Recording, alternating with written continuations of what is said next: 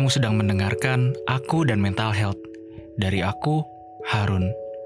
Semua yang aku sampaikan di episode ini adalah isi hatiku yang terdalam dan ingin aku sampaikan ke kalian semua.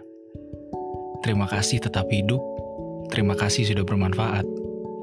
Silahkan mendengarkan. Saat ini, apa yang lagi kalian perjuangkan? Saat ini, gimana rasanya berjuang? Dan saat ini, apakah kalian lagi ngerasa kalau kalian lagi ada di ujung tanduk atau lagi ngadepin ujian yang mungkin kalian rasa sulit untuk dihadapin, sulit juga untuk diselesaikan?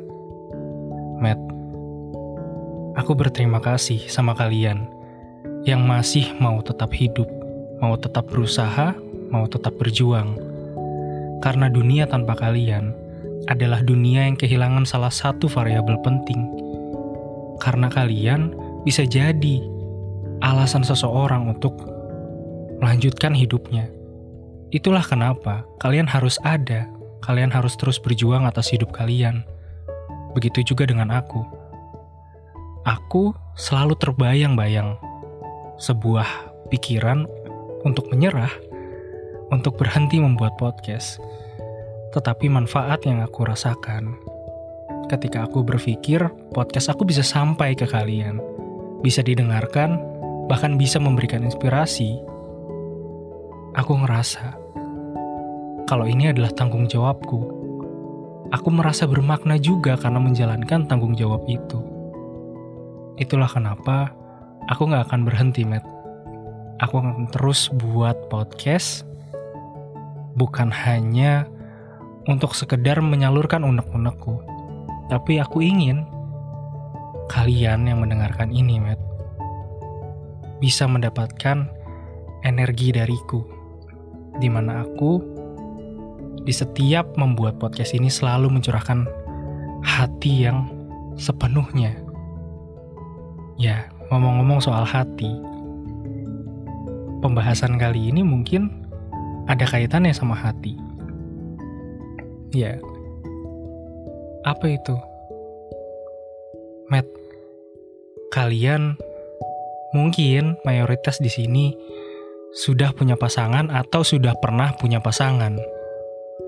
Entah itu pacar, atau yang lebih serius lagi calon istri, calon suami, atau mungkin ada juga yang sudah menikah. Matt, pasangan itu bisa memberikan energi lebih bagi kita untuk berjuang. Matt, pasangan itu bisa membuat beban dan ujian yang kita hadapi terasa lebih ringan, meskipun tidak langsung menghilang dan terasa ringan benar-benar, tetapi tidak seberat ketika kita menghadapi semuanya sendiri.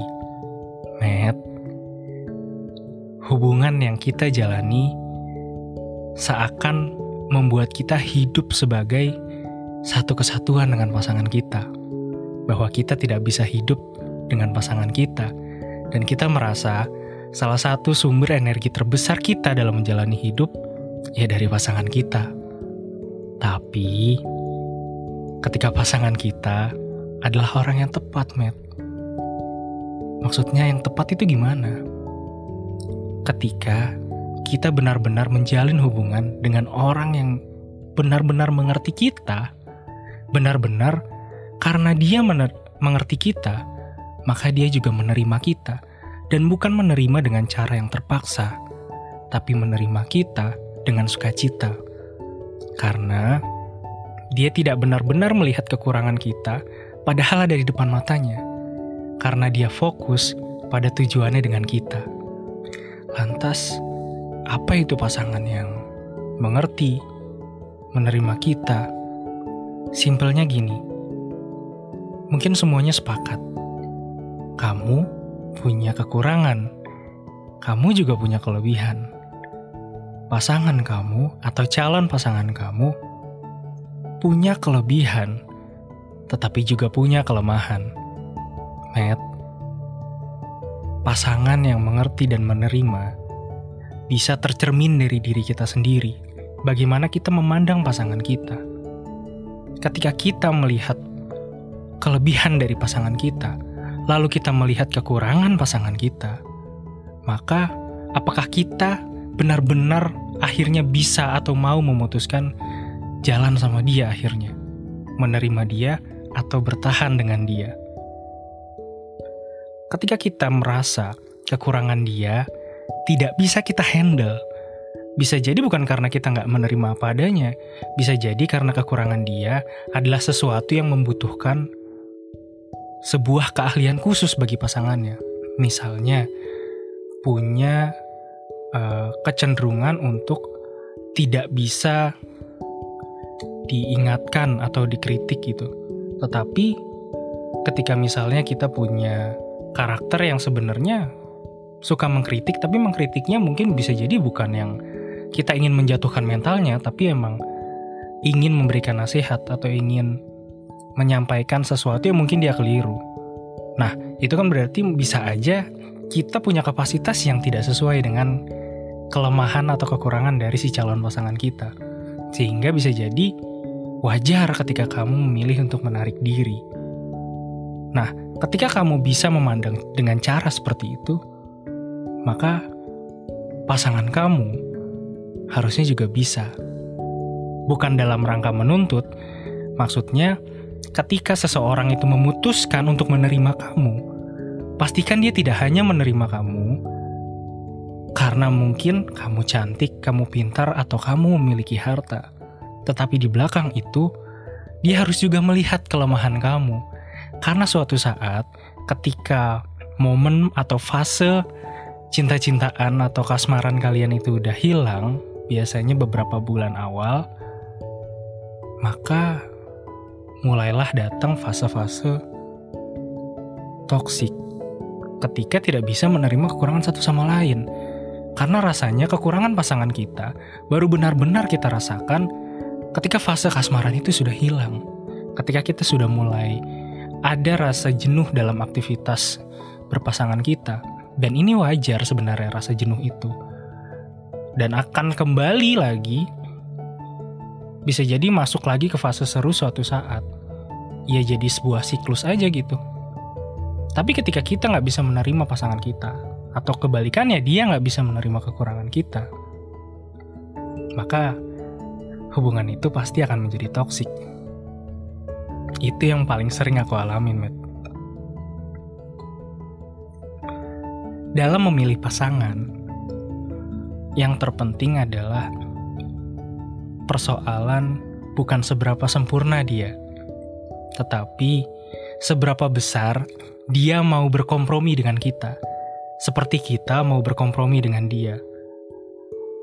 Ketika kita menerima dia, kekurangannya, misalnya, dia tidak suka terlalu sering bertemu, dia tidak suka terlalu sering chat-chatan tiap hari gitu misalnya, atau dia tidak suka untuk uh, kita nyampein unek-unek kita gitu meskipun dengan baik-baik. Bagi dia uh, ketika ngomong baik-baik namun itu ngebawa-bawa kelemahannya dia untuk dibahas bisa jadi dia langsung anggap itu sesuatu yang buruk. Atau ketika dia itu nggak bisa menerima keluarga kamu nah ketika kamu memutuskan untuk tetap jadi jalan dan melanjutkan hubungan dengan dia yang punya hal-hal seperti ini, itu tandanya kamu siap menerima kekurangannya. Sekarang pertanyaannya, kalau kamu yang ingin memilih pasangan, maka tinggal dibalik. Apakah dia mau menerima kekurangan kamu? Tapi kalau misalnya itu baru dipermasalahkan suatu hari nanti, bukan di awal-awal, bagaimana kita bisa mendeteksi itu dari awal? komunikasi, Matt. Kita komunikasikan, kita ngobrolin, andaikan aku dengan kekurangan aku yang seperti ini. Kamu bagaimana? Biasanya jawaban, kesiapan, dan penerimaan seseorang itu akan benar-benar tercermin ketika kita ajak ngobrol soal kayak gini. Orang yang suatu saat akan mempermasalahkan kelemahan kita, kekurangan kita, biasanya dia tidak akan terlalu menunjukkan penerimaan ketika kita ngobrol soal ini.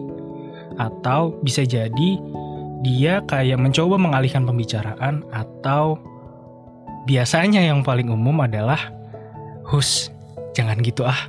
Hus, jangan ngomong gitu. Hus nggak baik. Denial.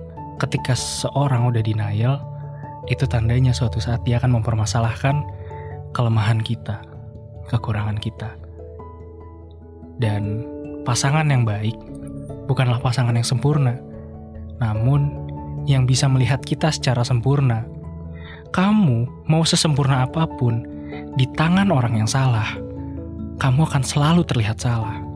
Namun kamu, sebanyak salah apa pun, sekurang-kurangnya apa pun, selemah-lemah apa pun, ketika kamu berada dengan orang yang tepat, kamu akan merasa dicintai dan diperlakukan secara sempurna. Terima kasih Matt sudah mendengarkan episode kali ini. Terima kasih sudah mendengarkan. Bye.